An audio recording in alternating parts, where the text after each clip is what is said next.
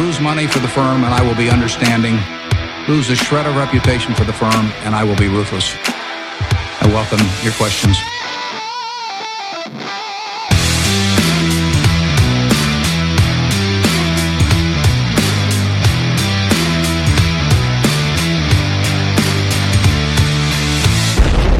Hjärtligt välkomna till Kvalitetsaktiepodden. Det är jag som är Ola.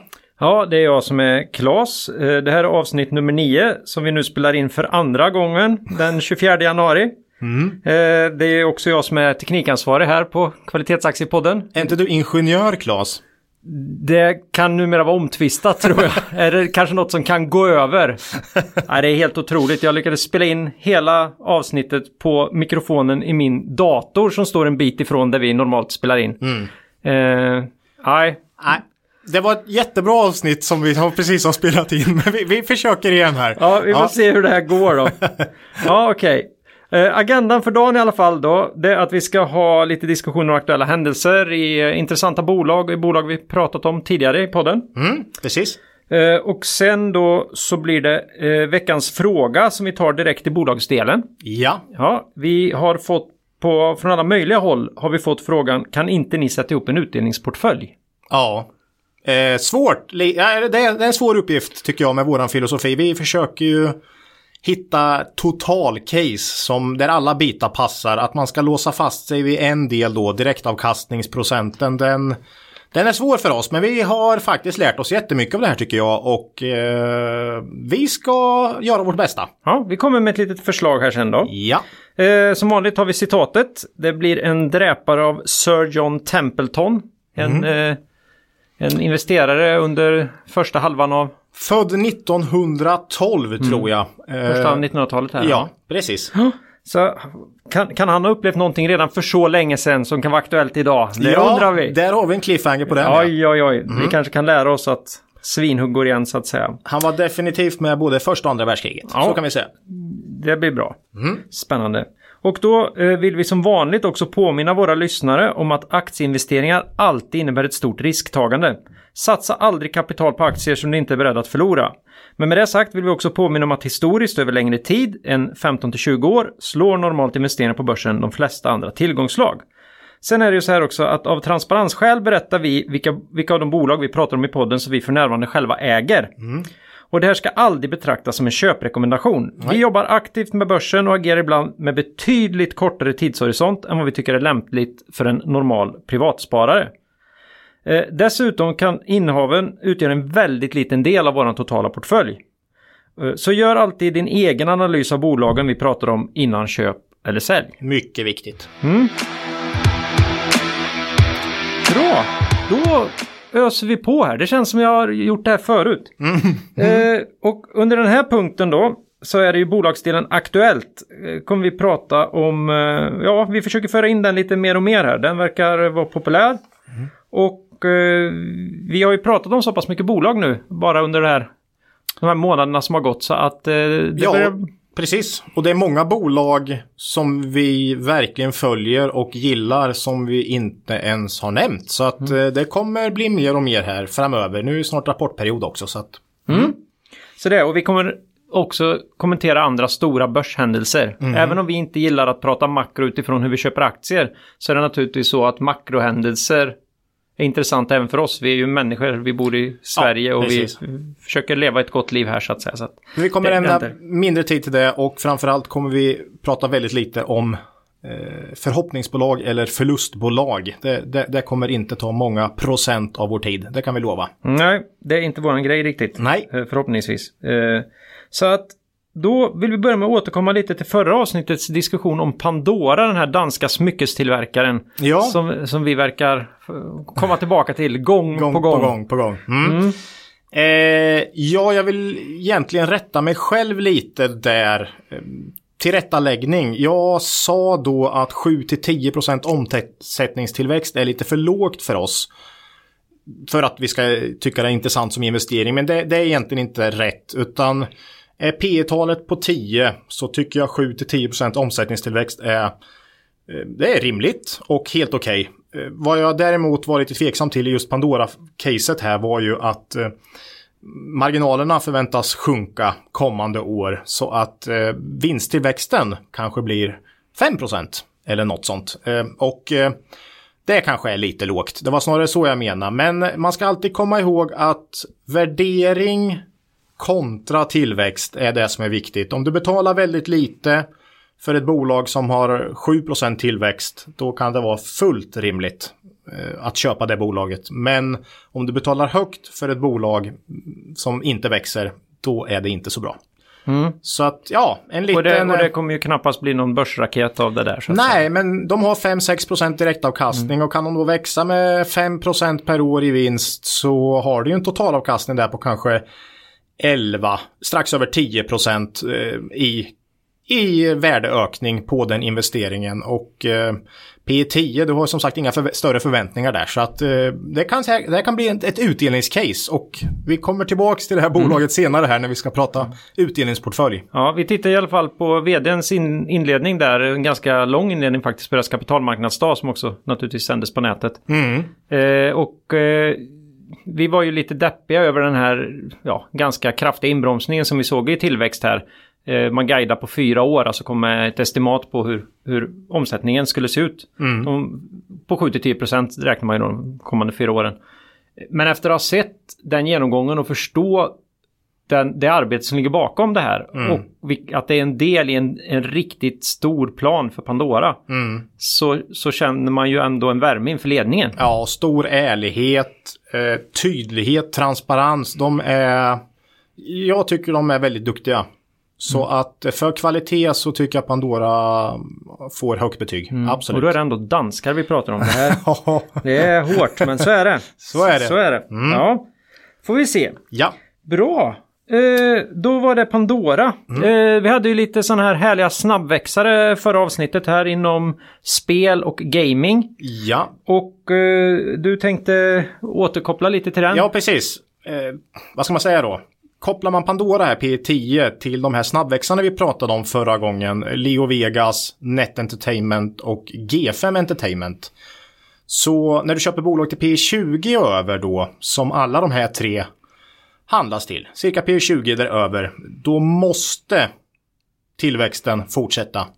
Annars kommer det bli smärtsamt. För stor del av att det här kan bli bra investeringar när du köper bolag med P 2025 är ju för att den årliga tillväxten avspeglas i en motsvarande kursökning då varje år så länge den här tillväxten eh, finns i vinst per aktie. Men så fort den här bromsar in eller försvinner så kommer du få ganska kraftiga prisfall för att du har ju ingen margin of safety här i en sån här aktie. Du betalar ju högt för en hög tillväxt. Faller tillväxten så straffas aktien. Så att och vi har några bra exempel här faktiskt på just de här tre bolagen från förra veckan ja, som vi pratar om. Det mm. hände ju jättemycket direkt i, ja, framförallt två av bolagen. Ja, precis. Leo Vegas, dagen efter vi pratade sist så kom man ut med ett stort förvärv i UK som var billigt, cirka fem gånger ebitda. Sen kom massa höjda rikskurser såklart. Eh, från Analytikerna ja. blev jätteglada. Ja, det blir ju så. Det är P20 på Leo, men när man ser att den här snabba tillväxten fortsätter, ja då vet du att du får ytterligare kursuppgång som motsvarar den här vinsttillväxten då. Va? Så att när det kommer stora förvärv, ja, då ökar kursen eh, på grund av det och Leo Vegas är upp 20% ungefär sen vi pratade om dem för två veckor sedan. Och det lär bli en stor tillväxt 2018 för Leo Vegas. Frågan är det här med förvärv. Man har jobbat organiskt, framförallt historiskt. Nu är det väldigt mycket förvärv på kort tid. Är det, det är en annan sak, definitivt en annan sak att få ihop. Så uh, lite oro tycker jag att man har kvar en hög värdering men tillväxten nu kommer mycket från förvärv. Det kan vara lite varningssignal. Ja, det finns ju två klassiska sätt att växa och det ena är ju att öppna egna. Mm eh, nya verksamheter eller bredda sin portfölj. På eget bevåg. Nya kunder och så vidare. Ja, ja. ja, antingen nya segment eller nya marknader. Och så, eller så köper man ett bolag mm. som då förhoppningsvis har tillgång till en annan marknad eller ett annat segment som man då tycker passar in. Mm. Och, och, det är ju en annan, det där är två ganska olika business. Och eh, en, en företagsledning som är väldigt duktig på det ena behöver inte nödvändigtvis vara duktig på det andra. Nej, har man sett många exempel på. Mm. Men det är en konst och lyckas du med det där så är det ju oerhört bra sätt att driva tillväxt. Om du kan köpa billigt och sen få in det i en bra verksamhet. Och man ska, ibland glömmer man bort också, man ser bara att ja, de köpte ett bolag som omsätter 100 miljoner. Men det kan vara så att det är ett jättesnabbväxande bolag så att du räknar på 100 miljoner men det är egentligen 150 miljoner mm. kommande år för att de växer med 50 procent. Så att är du bra förvärvare, det är en oerhörd styrka. Mm. Är du inte det så kan det ju bli pannkaka av alltihop så att säga. Mm. Så att en, en, ökad risk här, Leo Vegas. Jag har inte riktigt, jag, jag, jag, känner inte att jag har historiken för att bedöma om de är bra förvärvare än eller inte. Men ledningen har jag i alla fall stort förtroende för. Så att eh, mm. vi får se om de lyckas. Ja, nej, vi får se om det blir jackpot. ja, ja, precis, precis. Ja. Nej, så det var plus 20 procent. I andra ändan har vi då NetEnt eh, mm. som kom med en vinstvarning några dagar efter vi pratade om dem och där har vi då minus 20 procent istället. Så mm. att eh, och... En vinstvarning i ett bolag med de tillväxtförväntningar som finns på NetEnt. Mm. Slakt. Precis. Mm. Så att vi snackar här. Köper man P20 eller över och tillväxten bromsar in. Slakt. Det är ofta så. Alltså betalar du högt PE då är ju risknivån hög på investeringen. Du har liten marginal för snedsteg. Mm. Har du en låg värdering så kan marknaden till och med ta lite halvsvaga grejer med en axelryckning. Men här får det ju liksom inte gå fel va. Så att jag tycker vi har sett båda två här i Leo Vegas och Netent senaste eh, två veckorna sedan vi spelade in förra avsnittet faktiskt. Mm. Så det är bra, mycket viktigt att komma ihåg att det är en annan risk på nedsidan när man köper väldigt eh, högt prissatta bolag. Ja, vi såg ju att det fanns lite insider där också innan vi eh, vågade eh, gå in i netten. In, insiderköp. Ja, insiderköp. Mm, förlåt. Ja, insiderköp. Att, fan, ja, det var insiderköp ja. i, sent i november och man var positiv i Q3. Mm. Så att... Och de säger då, vi lyssnade ju på den här eh, telefonkonferensen där mm. om, om den här vinstvarningen och att det här hände väldigt, väldigt sent. Mm. Men det, det som har hänt är ju att man har tvingats dra sig tillbaka från reglerade marknader och sådär. mm. Ja, det kanske är typiskt i snabbväxande bolag att man inte riktigt är där. Mm. Eh, och, och, har den typen av mm. eh, tentakler utan man är så fokuserad på tillväxt. Precis. Eh, så ja. att eh, en liten, en liten fnurra på tråden är det nog Defini med bolagsledningen här. Definitivt. Ja, svårt att veta vart det här tar vägen. Hade det varit som sagt P 10-12. Mm. Då hade jag absolut tagit överseende med det. Men nu P20 det, det får inte hända riktigt. Mm. Så att, eh, ja, så är det. Sen har vi då G5 Entertainment som mm. också var det, det tredje bolaget. Och det här är ju gaming. Det är ju gaming, bolaget då, ja. Det var det tredje bolaget vi pratade om med högt PE och hög tillväxt. Där är väl plus kanske 10 procent sen vi pratade om det. Så att eh, ja, det är snabba ryck i de här bolagen. Men med mycket högre risk än de bolag vi generellt pratar om. Det vill säga bolag som växer lite, inte riktigt så snabbt, men med betydligt lägre värderingar, helst under P15 då. Mm. Försöker vi ofta hitta. Ja, nej och det ska vi väl vara ärliga mot lyssnarna med att vi... Börsen är väldigt, väldigt dyr. Ja. För, för oss och våran typ av investerare just nu. Och det kan, kan hända då att man börjar snegla lite åt håll som man normalt inte skulle gå i närheten av. Så är det ju. Vi har, om, ja. man bygger, man bygger sina case och tycker att det här är det nya normala på något sätt. Vi har 70% likviditet i våran portfölj mm. och det är oerhört ovanligt och har varit så under de 15 år jag hållit på att vi ligger med så mycket likviditet. Men, och det beror inte på att vi tror och förväntar oss något börsras utan det är så svårt att hitta köpvärda aktier. Mm. Och det i sig kan ju för sig vara en signal att, att börsen är dyr. Va? Mm. Eh, nej, men det är viktigt att komma ihåg. Vi gillar tillväxt, men vi gillar inte höga värderingar. Mm. Så att man ska, man ska vara oerhört försiktig när man köper bolag med P20 över. För när du köper en aktie kan du egentligen tjäna pengar på, eller du kan få en värdetillväxt på tre olika sätt. Dels har du vinsttillväxten i bolaget som egentligen kan överföras till kursutveckling. Normalt sett avspeglar ju den sig. Över lång tid. Mm. Vinstutvecklingen i bolaget blir kursutveckling mm. i aktien. För om man behåller samma P över hela tiden. Det egna kapitalet växer i bolaget. Det blir ett större bolag. Ja, det blir ett större bolag. Den andra delen är ju att du får en P-talsuppgång i bolaget. Mm. Men multipel, då, multipel expansion. Mm. Men då bygger du på att du köper något som är ganska billigt. I och för sig, du kan köpa dyrt och att någon vill betala ännu mer va ännu högre multiplar. Men över tid så tycker jag att det brukar alltid vara så att köper du något till ett väldigt lågt PE och det visar sig vara ett bra bolag över tid så har du ju en viss uppgång till ett normalt PE också. Så där, där, men där har du lite margin of safety i den, den andra biten här. Den tredje biten är utdelningar då, att du får löpande utdelningar. Och det är summan av de här tre som är det viktiga. Betalar du väldigt högt PE, då kan du nog inte räkna med en särskilt stor P talsuppgång över tid. För bolag blir också större och större. Desto större det blir, desto svårare är det att växa. Så att eh, köper du något i P 20, 30, 40, då måste vinsttillväxten finnas där. Annars blir det inte bra. Så kan vi säga. Och den är väldigt svår att lita på. För det kan alltid bli lite hicka för Ja. vilket bolag som helst. Så för de här bolagen, så, så länge tillväxten fortsätter så kommer du säkert ha en bra utveckling i, i paritet med vinstutvecklingen. Men stannar den upp så kommer det bli dramatiska fall. Ja, det var snabbväxarna där. Ja, Sen har vi lite andra observationer i bolag som, vi, som står oss nära. eh, Doro Ja. pratade vi om i höstas. Gjorde ju eh, gamla telefon, däcktelefontillverkaren Just det. som numera jobbar med trygghetslösningar för äldre och ja, det är en stor del. Smartphones, ja. För äldre och så vidare. Precis, precis. Och eh, ja, jag pratade i höstas om de här och var lite eh, tveksam till deras tillväxt. Eh, omsättningstillväxt. Och eh, ja, jag hade lite farhågor på den kommer jag ihåg och jag ville gärna se att tillväxten tog fart igen och nu kom han förra veckan med en lite dold vinstvarning kan jag säga, där man eh, sa att lönsamheten var väldigt, eller att resultatet gick upp väldigt mycket, men där faktiskt omsättningen sjönk under 2017, något man hade sagt att den inte skulle. Så eh, ja, aktien är kanske 15% sedan vi pratade om den här i höstas och jag tycker nog man ska fortsätta avvakta och se om de kan vända den här eh, omsättningstillväxten till något positivt. Vi har ju fort, fortfarande inte sett eh, orderingången här för eh, Q4 så att den blir också spännande att se i rapporten. Mm. Mm. Eh, lite turnaround. Ja, nästan. Case. Men ja, precis. Och ny vd där också eh, är ju också alltid ett litet riskmoment. Mm.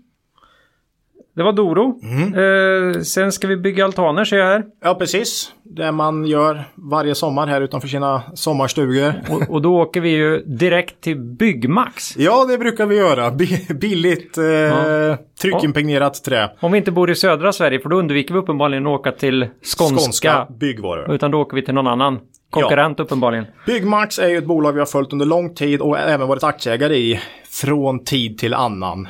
De gjorde ju två riktigt dåliga förvärv för ett par år sedan där Skånska Byggvaror var det absolut största och det som har vållat stora problem för bolaget.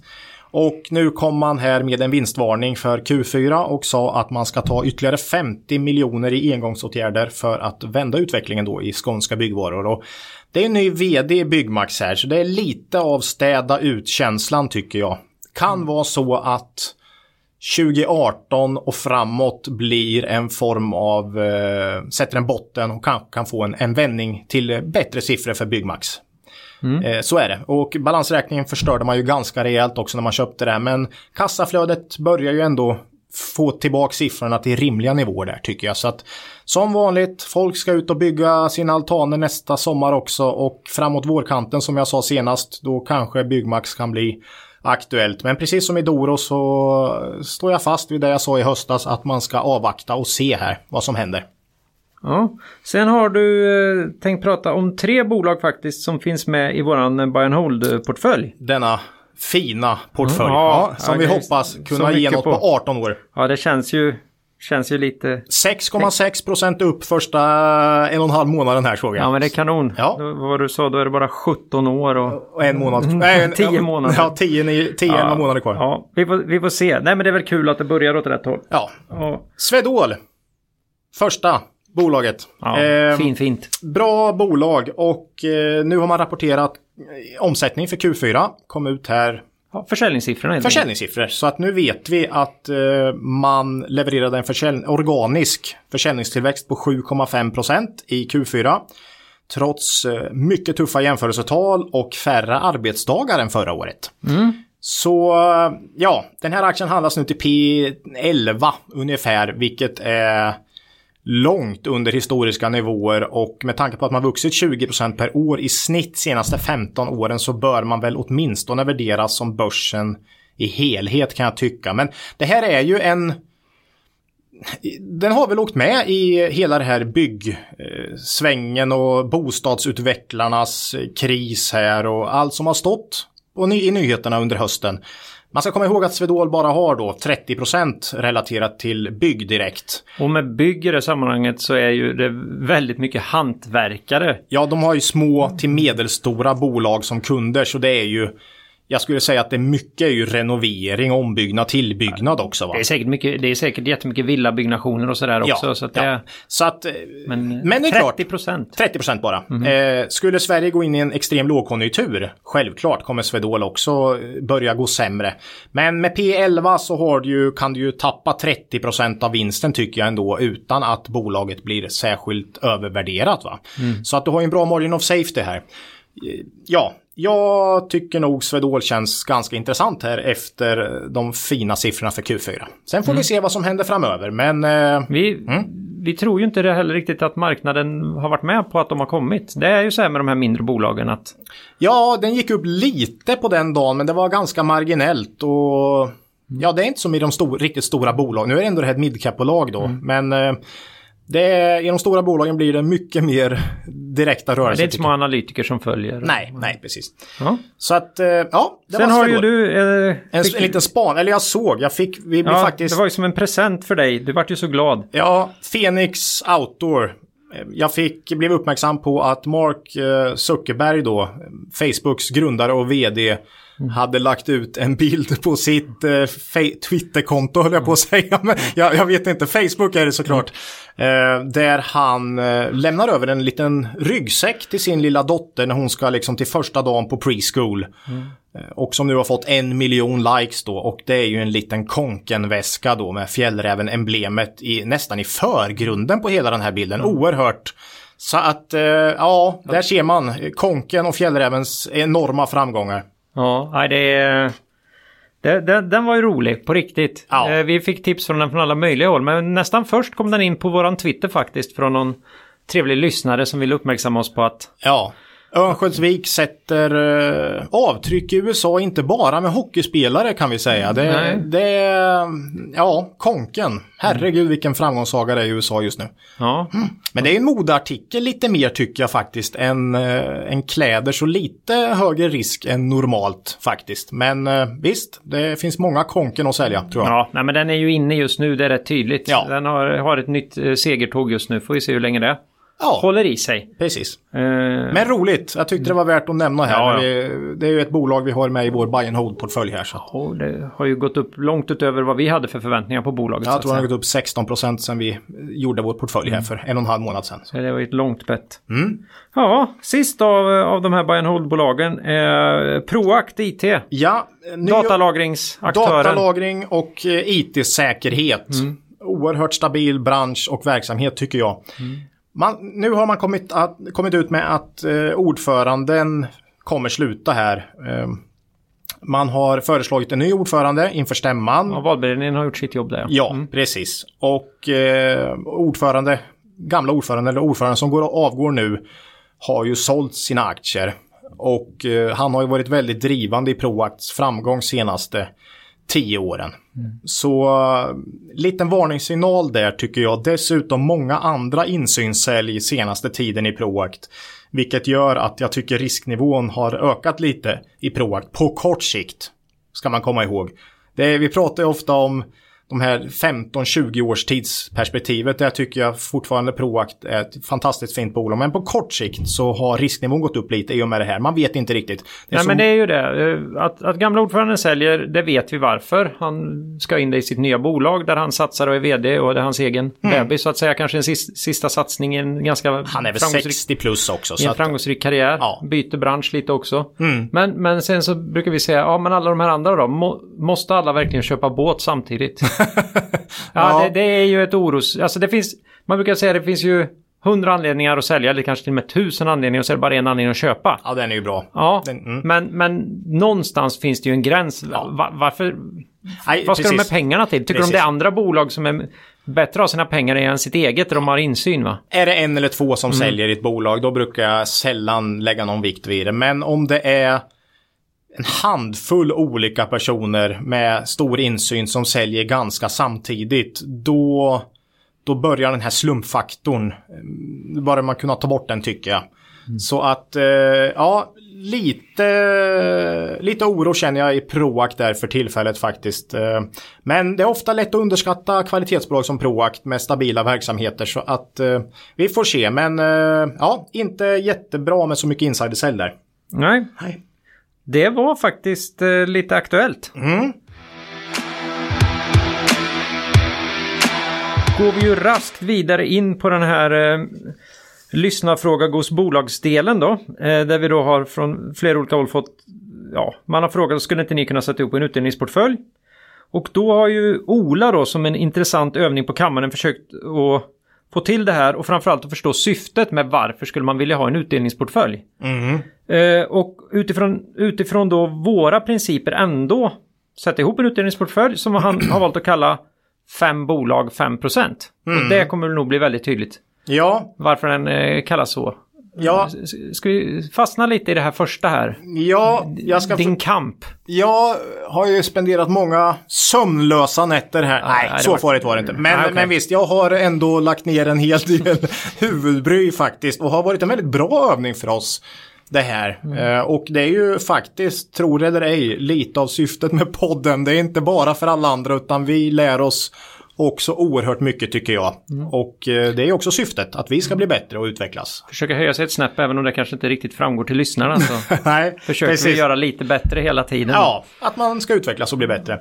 Men eh, jag har ju lite svårt med det här att när man sätter ihop en portfölj, eller framförallt när man ska köpa en aktie, att man fokuserar på en del i aktieköpet, det vill säga i det här fallet utdelningen då, och säger att om den Fyller mina krav så är det en bra aktie, utan man vill ju såklart se på helheten här. Jag sa ju förut att det var utdelning, vinsttillväxt och en eventuell P talsjustering som utgör den totala värdetillväxten under din, ditt, ditt, ditt ägande i bolaget. Och eh, ja, det måste ju vara alla de tre som, som gör totalen. Här är det ju bara utdelning man fokuserar på då. Så att det är det jag har haft lite problem med. Ja, och, och, anledningen är ju då att man tänker sig att man har, det kanske, ja det spelar inte så jättestor roll vart kursen tar vägen utan man får de här 5 procent. 5 procenten varje år då som, som någon form av lön nästan eller en, en, en, en säker intäkt. Men, men då tycker ju vi då att 5 procent är ju jättedåligt för, från, att förvänta sig det från börsen över tid. Ja, det är ju inte bra. Det är ju, inte, det är ju mycket sämre än vilket index som helst nästan. Avanza Zero senaste, eller Stockholmsbörsen plus utdelningar senaste 40 åren har väl avkastat 10 procent i snitt. Om man inte når upp till det, då ska man ju allvarligt fråga sig själv vad, varför håller jag på själv? Varför investerar jag inte mina pengar i en in, indexfond? Eller Avanza Zero till exempel, som är helt utan Men avgifter. uppenbarligen så är det många som värderar att få, man kan tänka sig mycket lägre avkastning. eh, bara man får pengarna regelbundet på något sätt. Eller vi kan Ja. veta att ja, de, de tycker, och det kan man ju ändå inte veta för det är ju grejen att om det här bolaget viker då kommer utdelningen också förmodligen vika. Precis, och lite som vi pratade om preffar sist. Det är, man, man, man vill ha en stabilitet och en trygg, någon trygghet. Men som sagt, en trygghet i, till viss del falsk kanske. Men också att tryggheten gör att du förlorar pengar över tid. Ja, frågan är då, jag tycker man ska inte ha kapital på börsen som man inte är beredd att förlora. Ska man då inte välja en indexfond då till, till avkastning på 10% över tid istället. Det, det, där har jag mitt, mitt stora problem med, med den här typen av portföljer Ja, faktiskt. Eh, men vi har ändå försökt här och jag har försökt få ihop en portfölj med... utifrån våran filosofi. Ja, precis. Du har försökt lägga in det här med Ja. en väldigt bra värdering och att det ändå finns en god chans till utveckling här. Ja, precis. Ja. Och eh, fem bolag som du sa. Och nu ska du börja, då kommer chocken direkt. Pandora. Nej. Ingen såg den komma Ola. Nej. Nu sit, Ja, nu- nästan så vi måste ta en paus här och låta folk andas. Nu sa jag ju det i inledningen här också. Så att, Ja, jag vet. Jag vet. Men eh, om vi ska ta lite generellt här först så mm, portföljen i snitt har 11 i PE. Det vill säga jag har försökt valt ut bolag som värderas lågt. Mm, och som eh, delar ut bra, de ska ha över 4% direktavkastning i alla fall. Har jag satt som nedre gräns. Och utdelningsandelen i förhållande till total vinst i bolaget ska inte vara för hög. Så att den har jag satt att jag i snitt vill ha till under 60 procent. Mm. Så andelen av vinsten de delar ut ska inte historiskt ha varit mer än 60 procent. Nej, precis. Och förväntas inte vara det framöver, Framöver. heller. Precis. Då får de lite pengar över och göra annat med. Ja. Växa till exempel. Växa till exempel och det är det jag hoppas de ska göra med resten, resten av pengarna. Eh, men Pandora då som sagt eh, P 10, 11 ungefär som alla de här bolagen. Och en direktavkastning på kanske 6% Här har man ju då flaggat för att vinsttillväxten kanske bara blir ensiffriga tal kommande år. Kanske mm. mittspann 5% per år i vinsttillväxt men 6% i utdelning plus 5% vinsttillväxt är ju ändå 11 totalt. Mm. Eh, vilket då ändå gör att man kan slå börsen. Och dessutom P 10, om de överraskar på positiva sidan här så ska ju aktien upp också. Mm. Nedsidan torde ju vara tämligen begränsad där liksom. Så att eh, Pandora tycker jag är ett bra utdelningscase. Ja. Mm. Nummer två då, får jag ta den? Får jag ta den? Ta den du. Ja, Betsson. Ja. ja. För de som inte känner Betsson får man lyssna på förra avsnittet. Det är ett ja. Eh, spelbolag här som håller på med... De kom ju in i avsnittet med snabbväxarna där. Ja, ja visst. Mm. Eh, både sportsbetting och kasino och sådär på nätet. Ja. Och här har vi en historik med snabb tillväxt, men den har ju sjunkit betänkligt senaste åren och man har framförallt jobbat med, till, med förvärv. Ehm, så att eh, det har stökat till det lite för Betsson tror jag. De har inte riktigt gått så bra de här förvärven som man har förväntat sig och det är svårt att få ihop massa olika eh, viljor och krafter. Men Betsson värderas också till P 10-11 och man delar ut hälften av vinsten. Och då ändå då en direktavkastning på 4,5 mm. procent ungefär. Och spel är ju konjunkturokänsligt brukar man säga. Du har ju hela risken med avreglering också där. Eller avreglering, det är snarare reglering mm. av, av, ja, av marknader som är lite Ja, det är ju ganska vilda västern i många online-marknader nu faktiskt. Men eh, med Pontus Lindvall tillbaks här under rodret, eh, vid rodret i Betsson så mm. känner jag att i P10 så är, ja, jag, jag, tycker att du har en uppsida här helt enkelt. Ja. ja. Och sen alla, alla som är lika rädda för makro som jag får hålla för öronen. Men vi har ju alltid fotbolls-VM som alla förväntar sig ska göra. Ja, och OS, OS. OS nu. Frågan är hur mycket spel det är på vinter-OS. Nej, jag, jag vet inte. Hockey Fot då? Fotbolls... Ja, Fast ja. är de bästa spelarna inte det. Nej, och det är alltid nej. Det. men eh, fotbolls-VM, jag tror sist... När... Bandy. ja, jag tror Världens minsta sport. Världens minsta sport. Ja. ja. Nej, men jag tror inte... Sist jag kollade det här med mm. fotbolls-VM eller EM, jag kommer inte ihåg vad det var, men det var väl det blev inte så bra resultat. Man försökte mer jaga in nya kunder under mm. de här evenemangen för man vet att många tittar, man pumpar reklam så att det vart inte som boost i resultat, eller det var snarare tvärtom tror jag. Mm -hmm. Att resultatet gick ner under VM men att man jagade då in framtida intäkter och eh, det vart en boost i intäkter då kanske på grund av att fler spelade. Men ja, man får nog se det lite mer långsiktigt i så fall. Vilka som kommer ut som vinnarna där. Men Betsson har jag tagit, också lågt värderat. Det är ju risk för value traps, eh, som man brukar säga i mm. många av de här bolagen vi tar upp här nu. För det är bolag som har gått ner mycket och som är lågt värderade. Frågan är om de är lågt värderade av en anledning eller om du har en väldigt bra uppsida här va. Mm. Så... Ja, vi pratar ju ofta om snabbväxare, att de växer i. De kan växa i sin värdering i sitt P så att säga. Och mm. Samma gäller ju åt andra hållet. Mm. Det går ju väldigt fort att växa i ett lågt P. det är ju väldigt, väldigt lätt. Det är, det är bara, lätt. Det är bara, det är bara slakta, tillvä- slakta vinsttillväxten. Ja, det är bara att vara dålig på det man gör så ja. går det oerhört av sig själv. Man behöver inte göra någonting faktiskt. Nej. Så händer det. Nej, precis. Så, så att, eh, men, ja. men Pandora och Betsson eh, högutdelare till lågt pris. Ja. Det är så jag har tänkt där. Ja. Sen kommer eh, ett bolag vi pratat om under någon rapportperiod tidigare va? Mm, höstas. Eh, höstas, det var, var väl Q3 då misstänker jag med tanke på hur länge vi har funnits. Mm. Eh, NGS Group, bemannings och rekryteringsföretag. De hyr ut eh, personal till vård, skola och eh, sedan ett förvärv här ganska nyligt tror jag, för något år sedan kanske, inom ekonomi. Mm. Och eh, vård är absolut största, absolut. största segmentet här. Så bemanningsföretag. Bemanningsföretag.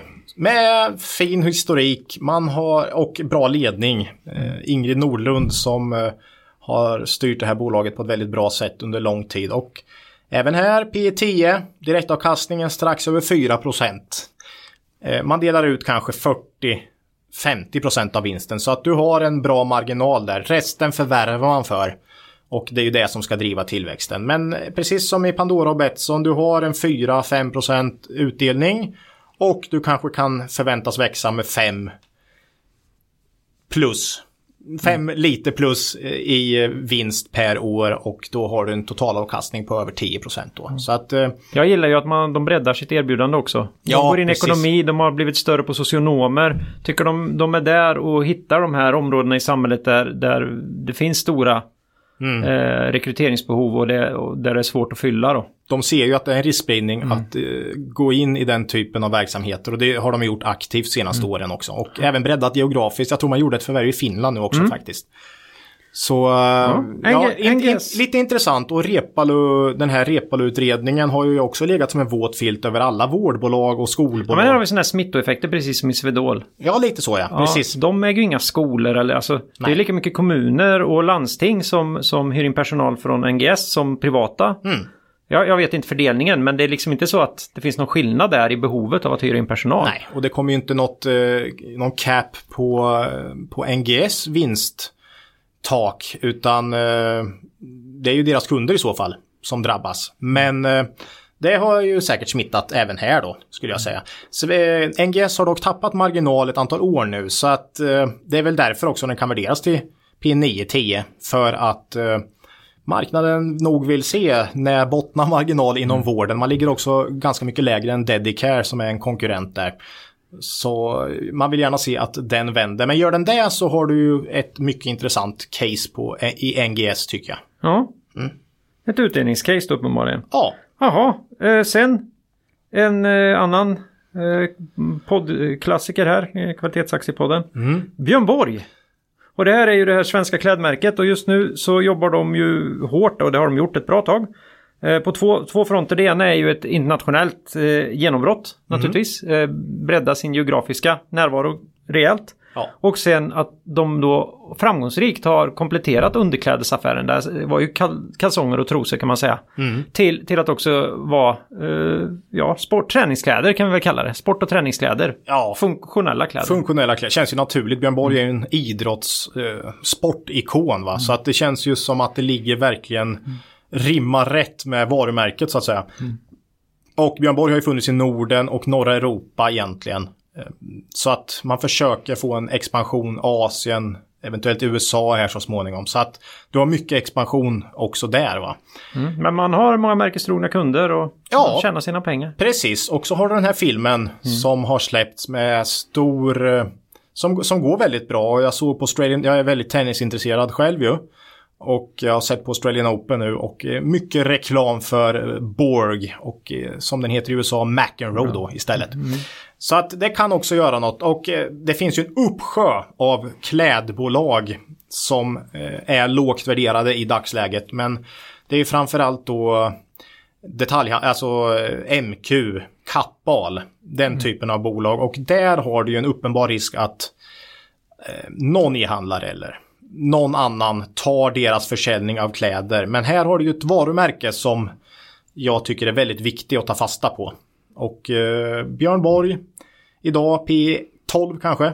Mm. Och man har en direktavkastning på ungefär 5% För jag tror faktiskt man sänker den här eh, i vår. Man går ner från 2 kronor till 1,50. Och då blir det 5 procent ja, efter den sänkningen. Efter den sänkningen. Och det, det är min gissning. Jag mm. tror man vill driva man har ganska aggressiva tillväxtmål så att jag tror man vill driva, försöka driva lite tillväxt med eh, vinstmedlen eh, istället. Mm. Mm. Men det blir ändå 5 där så att ja. Och sen då en eh, nykomling här. Mm. Eh, sista nummer 5 på den här eh, listan.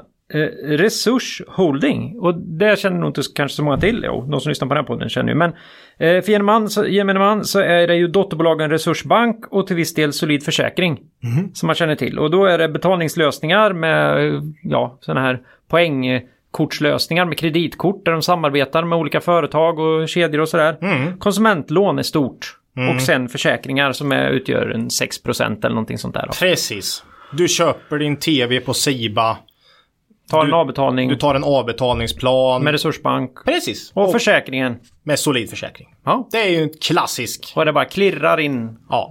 pengar här. Det här är också P10. 11 precis som alla andra och över 5 eh, procent direktavkastning skulle jag säga. Ehm, Det här är ett bolag, alltså först kan man säga att börsen och marknaden har generellt varit väldigt skeptisk till den här typen av bolag. Det har kommit in en uppsjö av sådana här bolag de senaste 5-10 åren. Eh, Collector och Nordax eh, tror jag de heter. Och, Nordax Finans. Ja. ja, nej, jag, jag, jag kan inte alla för jag Det kan vara märken. Ja. Eh, nej men så att du har en, eh, en, en uppsjö av bolag som har kommit in här och Resurs är väl Eh, lite åt det. Ja, det är ju ett av de bolagen och man har väl funderingar på om den extremt låga räntan i, da, i dagens samhälle om det så att säga boostar deras marginaler nu och vad som händer i en eventuell lågkonjunktur när de ska försöka få in sina eh, privatlån va. Eh, och, men det här bolaget har funnits sedan 80-talet faktiskt. Så att till skillnad från många andra av de här snabbväxande eh, bolagen som lånar ut pengar så är, har de faktiskt en historik över Bengt Dennis Och då pratar vi till och med... katastrofen i början tror- på 90-talet. Då. Ja, kanske till och med sent 70-tal. Det är, Ja, okej, det är så. väldigt tidigt 80-tal i Mm. sådana fall. Nej, så att det, det har en historik här. Men visst, det finns absolut frågetecken för vad som händer vid högre ränta och eh, framf- en sämre detaljhandelsmarknad kanske. Är väl också en, en oro. Vad händer när folk handlar mindre helt enkelt. Men välskött har det definitivt varit över tid. Så eh, ja, till P10 där vi... Det blev en bra blandning på bolag i olika branscher här också tycker jag. Eh, när vi fick in resurs här. Så att eh, det fick bli de fem helt enkelt. Det är P 10 med en direktavkastning på över 5% i snitt här. Mm. Ja. Med, hygglig, med, med intressanta möjligheter framåt. Men säkert något av de här bolagen kommer floppa. Mycket möjligt. Ja, Mm. vi får eh, försöka följa upp den här portföljen och sen jäm- stämmer vi av den mot Avanza Zero så vi får med oss lite utdelningar Ja, också. buy and hold kan vi jämföra Ja. med såklart. Det är Ja, också ja. jätteintressant att se hur de går jämfört mot varandra och, så. Mm. Och eh, ja, Akando hade kunnat varit med här också, men Mm. de finns ju med i den andra. Akando har nämligen också över 4% direktavkastning, så att eh, då tyckte jag vi måste kunna komma fram med fem nya här va. Mm. Så att, ja. Ja, nej, du hade... Och sen har jag sållat bort många bolag som har hög direktavkastning men där De delar ut för mycket. Mm. De delar ut för mycket av vinsten, liksom 100% eller 110% då, då är ju det är inte så lätt att upprätthålla den kanske Mm. över tid. Så att ja, det har varit väldigt viktigt med utdelningsandelen här också. Ja, Så har jag tänkt. Mycket Bra. lärorikt. där har ni då en eh, portfölj. Mm. Får vi se om... Ja, spännande för oss med. Ja, vi har inte snackat upp den direkt. Vi, vi tror Nej. ju inte på det här mer än att vi tycker att det är en kul grej och ett litet experiment för oss. Precis. Och se om, om vi kan sätta en sån här portfölj och att den nu då utvecklas på det sätt vi, Vi hoppas. kanske kan lära oss minst lika mycket som alla andra Ja, här. sitter vi här och blir utdelnings... Jägare. Mm. Nej. Nej, det känns inte som den, den är i farans riktning direkt. Nej, vi får ånga på här. Tiden springer iväg trots att vi redan har gjort det här en gång. Det är helt ofattbart. Så att vi stänger eh, bolagsdelen och hoppar raskt vidare till citatet. Sir John Templeton har sagt The four most dangerous words in, in investing are This time it's different. Ja, Den här gången är det annorlunda Ola. Är det det? Nej, jag tror ju inte det. Utan jag tror ju att saker och ting upprepar sig gång på gång på gång. Allt ska normaliseras från tid till annan.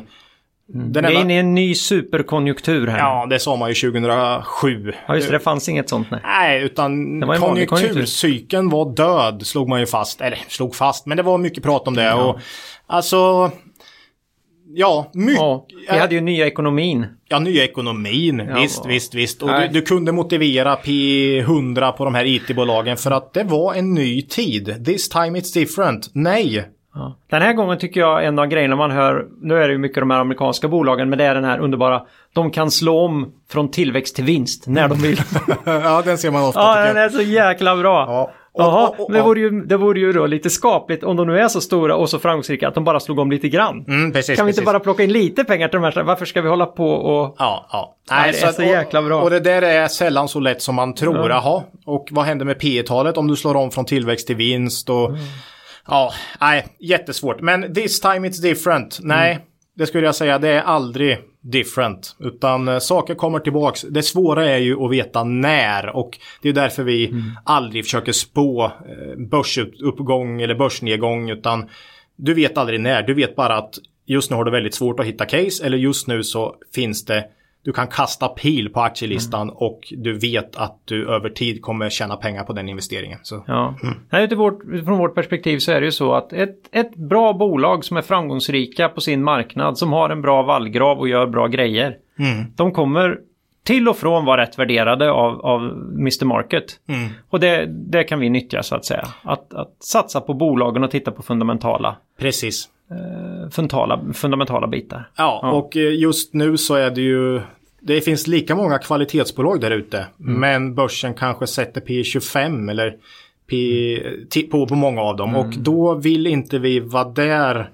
Mr. Market, nu. Mr. Market har varit lite manisk ett tag. Ja, vi, vi söker ju den depressiva sidan här nu. Ja, gärna att man betalar P12 för ett bolag som växer med 18% per år. Va? Det, där. Och det kommer hända igen. det kommer någon gång. Det kommer. Mm. Så att förrän än vi anar. Då gäller det att vara med. Ja, Så håll och uppdatera sina listor och ha koll på sina bolag. precis. Så är det. Mm. Jaha, det var citatet. Ja, Eh, då är det faktiskt dags att knyta ihop säcken här. Och om eh, två veckor då blir det ett nytt avsnitt. Och då tror jag de flesta kan gissa vad vi kommer att prata om. ja det är ju eh, rapportsäsong och eh, man ska summera 2017 här. Det är ju oerhört intressanta tider för oss eh, i och med att det är inte, Q4 är inget riktigt vanligt kvartal heller utan det är ofta lite speciella saker i boksluten, bokslutsdispositioner eller man tar engångskostnader, man pratar om nästa år och man ger guidance på, på nästa år och sådär. Och du har dessutom utdelningen som offentliggörs i Q4. Så att eh, ja, det är ju lite roliga timmen för oss, det får man ju säga. Ja, och, Mm. du har ju varit med om det här så många gånger fler än vad jag har. Men du brukar ju tycka att det kan hända lite mer just. I Q4. När, eh, när Q4 kommer än de andra kvartalen. Absolut. Eh, och det där är jättesvårt. Man sitter och funderar före rapport och, och tänker att ja, det här blir tufft för bolaget att nå upp till förra årets Q4. Men och rapporten kanske kommer in ungefär som du har tänkt, men bolaget väljer att fokusera allt på att berätta om det nya året och kanske guida upp 15-20% i tillväxt. Då har ju inte Q4 särskilt mycket alltså själva resultatet i Q4 är inte jätteviktigt om du säger att 2018 blir fantastiskt. Så att... Eh, Ny, ja, Nytt år, nya möjligheter. nya möjligheter eh, och sådär va. Så att, eh, och utdelningen är också en viktig faktor här. Du kan faktiskt se lite tycker jag med vad man lämnar i utdelning, vad man hur kaxig man känner sig och, eh, och sådär va. Och det säger ganska mycket om, om framtiden också. Ja, Mm. spännande. Missa inte det. Eh, ni får gärna mejla oss på kvalitetsaktiepodden med 2D, ett gmail.com. Mm. Eller så kan ni kommentera eller lämna meddelanden på Facebook och Twitter. Vi försöker svara så fort vi kan. Det är inte alltid vi hinner svara omgående, eller det är absolut inte så. Men vi, vi ska försöka göra det bästa för att svara på de flesta mejl och frågor. Ja. Mm. Eh, så här långt har det gått hyggligt. Mm. Eh, Twitter kan det flöda på rätt bra ibland. Då hinner man inte alltid riktigt med. Tusen, över tusen följare på Twitter såg jag nu. Oj, Spännande. Och fint roligt. att du Ja. engagerar dig i det här Ja. sociala medier Ja, det har ju varit din uh, business. På tal om men- att utvecklas Ola. Det där, Nej, jag är ju det, som- den såg jag inte komma. Nej, Buffett har ju ingen dator än. Nej, liksom. nej jag, jag vet inte om jag ska bli rädd nu. Ska du sitta och köra Men trendspaning? han har en telefon tror jag, men jag tror inte det är en smartphone faktiskt. Nej. Nej. Nej, det brukar vara sådär. Eh, De kränger inte sådana på McDonalds. Nej, det, blir ingen, det blir ingen. Nej. Eh, ja, eh, vi vill ju ha era frågor som sagt var. Och eh, slutligen då Ola, något makro värt att ta upp idag? Nej, inte då heller. Nej, men då hoppar vi väl biten om teknisk analys också då. Jo du, den enda uppgångsfasen jag oroar mig för är min vikt nu efter julledigheten. Ja, det kan jag intyga att eh, det kan vi vara fler som behöver jobba lite grann med. Men det, det tar vi tag i. Eh, som sagt det finns ju gott om tid att träna nu när... När vi har mycket likviditet och Ja. börsen är dyr. Ja, så att eh, vi, får, vi får lägga pengarna på gymkort istället då, som alla det, andra. och det har vi gjort faktiskt. Ja, det har vi. Om vi ska vara helt ärliga. Ja, det ska, vi, väl, det ska vi väl vara. Eh, får vi se om vi kan, kan åtminstone lyfta skrotet där. Mm. Så, bolagen vi pratat om idag, äger vi några av dem? Är väl bara Swedol faktiskt. Ja, och jag har en liten eh, egen, eh, ett litet skrammel kvar på Pandora. Du ska köpa alla hjärtans dag. eh, Smycken Ja, till jag din fru vill- kanske ja. och, och inser den här försäljningsboosten det kommer göra. Ja, ja, i bolaget. Ja. Nej, men då kan jag alltid försvara det om hon inte blir nöjd med att ah, men jag vill ju gärna handla i bolag jag har Ja, det är en Vi klassiker. har affärsintressen i Ja. så att säga. Ja. det kanske Roligt. inte håller. Nej. Nej, vi, jag tycker vi säger då nu. Mm. Och kom ihåg, Det är först när tidvattnet drar sig tillbaka som du får se vem som badat naken. Lose money for the firm and I will be understanding. Lose a shred of reputation for the firm and I will be ruthless. I welcome your questions.